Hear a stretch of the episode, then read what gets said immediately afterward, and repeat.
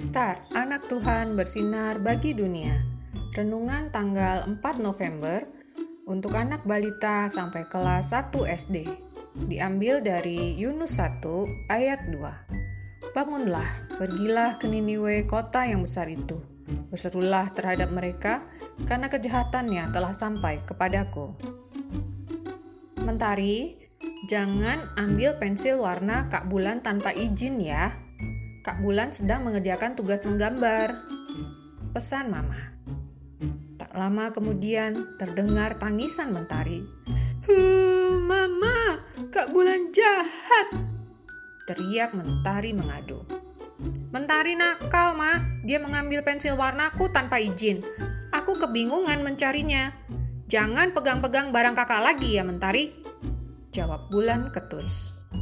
Sudah, sudah. Mentari minta maaf ke Kak Bulan. Kak Bulan, maukah kamu memaafkan adikmu? Tanya Mama disambut anggukan Bulan.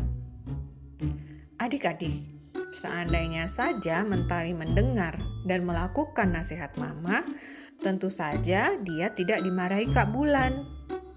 Taat itu tidak hanya mendengar, melainkan juga melakukan. Ingat ya adik-adik, Adik-adik, Bulan mendapat tugas untuk membelikan roti dan susu di supermarket oleh Mama. Bulan taat.